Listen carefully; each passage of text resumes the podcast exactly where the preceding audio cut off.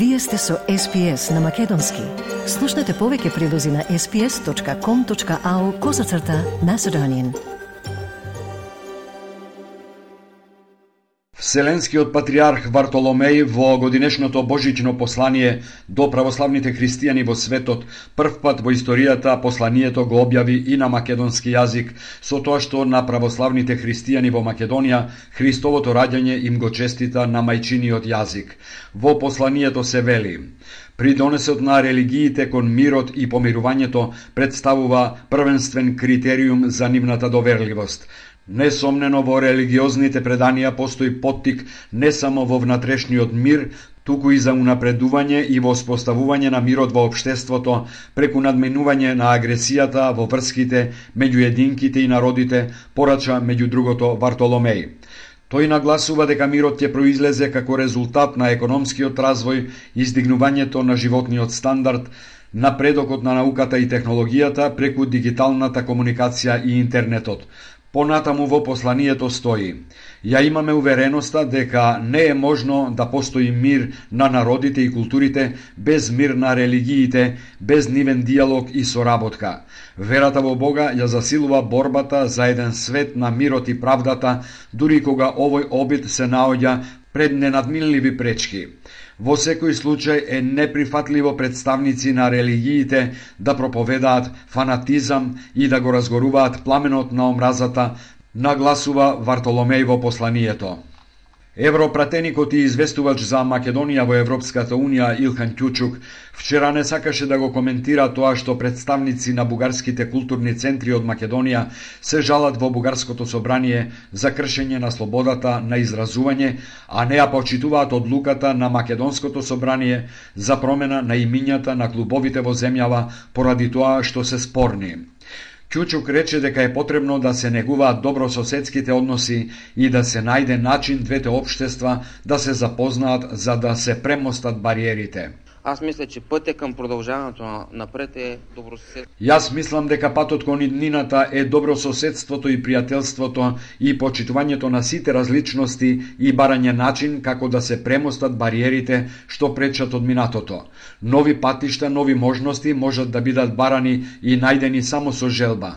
Работам на тоа да се изгради доверба меѓу обштествата. Голем проблем е што бугарското и македонското обштество не се познаваат добро, а кога не се познаваат не можеме да зборуваме за заедничко почитување. Не може да говориме за, едно, за взаимно уважение.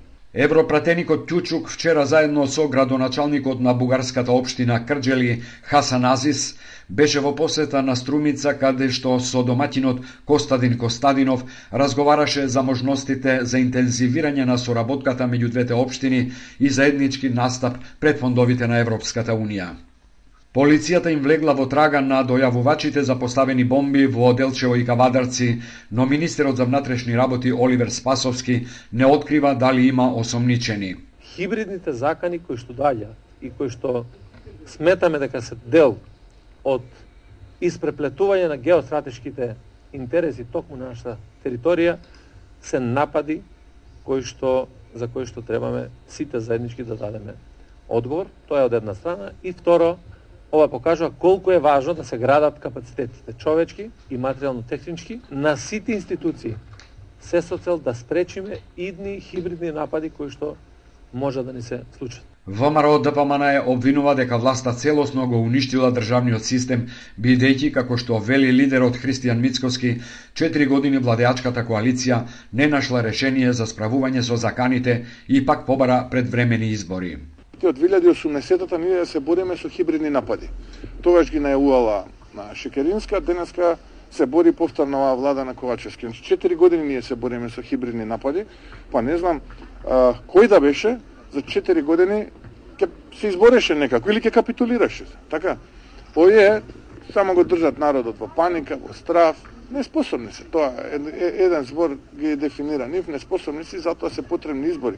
Македонските власти уверуваат дека иако Македонија е цел на закани, нема загрозување на безбедноста.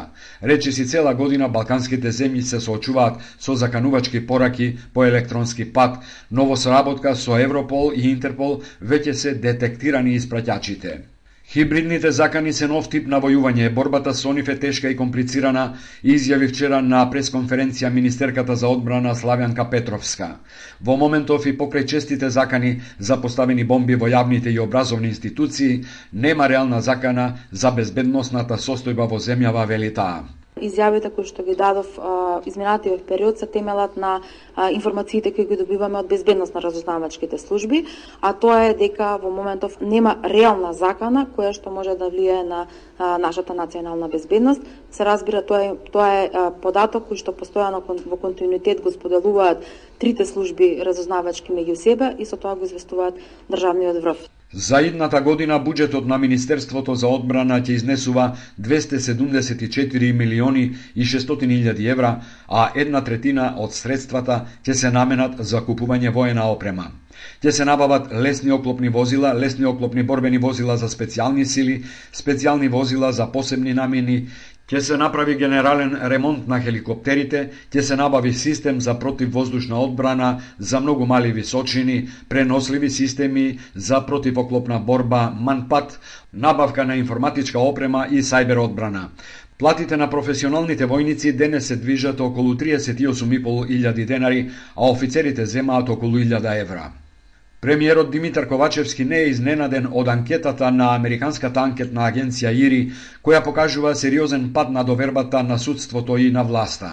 Тој вели дека анкетата е правена во септември по европскиот предлог што, според него, директно влијаело на перцепцијата и кај граѓаните. Ковачевски на пресконференција рече дека е задоволен од неговиот личен рейтинг во 10-месечното раководење со владата, не коментирајќи го рейтингот на останатите политичари, меѓу кои и на поранешниот премиер Никола Груевски, за кого според Дири анкетата покажала дека има највисок рейтинг од сите политичари со 7% од испитаниците. Тогаш практично зборувајќи за себе, бидејќи опфаќа 10 месеци од моето назначување за председател на влада, свесноста за работата раснала со 1,44% на месечно ниво, што е прилично голем процент. Ако гледаме во однос на политичките рейтинзи, тогаш исто така и тоа е респектибилно со оглед на 10-месечниот период на управување со владата. Ковачевски вели дека владата е соочена со најголемата економска и енергетска криза и од тука не можат да се очекуваат решенија надвор од општата криза што го зафати целиот свет. Корупцијата е еден од главните проблеми поради кои младите не ја гледаат иднината во Македонија. Ова го има утврдено невладината организација Младински сојуз на Македонија. Анелија Митрова, оперативен координатор на сојузот за новинарите, ја даде следнава изјава младите луѓе не се вклучени доволно во процесите на одлучување и а, понатаму се а, доста подложни а, на различен тип на влијанија кои што ги ги тираат младите луѓе да се заминат, односно а, самите самите случувања и самото ниво на, на корупција е една од причините зашто младите луѓе се заминуваат. Македонија ниту оваа година нема млади министри, заменици министри, а парламентот брои само двајца пратеници кои имаат до 29 години. Според последното истражување на Сојузот на младите, бројките се поразителни за тоа колку млади се вклучени во политиката и во носењето одлуки. И покрај тоа што политичките партии често се повикуваат на младината како двигател на општеството, сепак во практиката тоа не е овозможено. Сакате ли да чуете повеќе прилози како овој? Слушате подкаст преку Apple Podcasts, Google Podcasts, Spotify или од каде и да ги добивате вашите подкасти.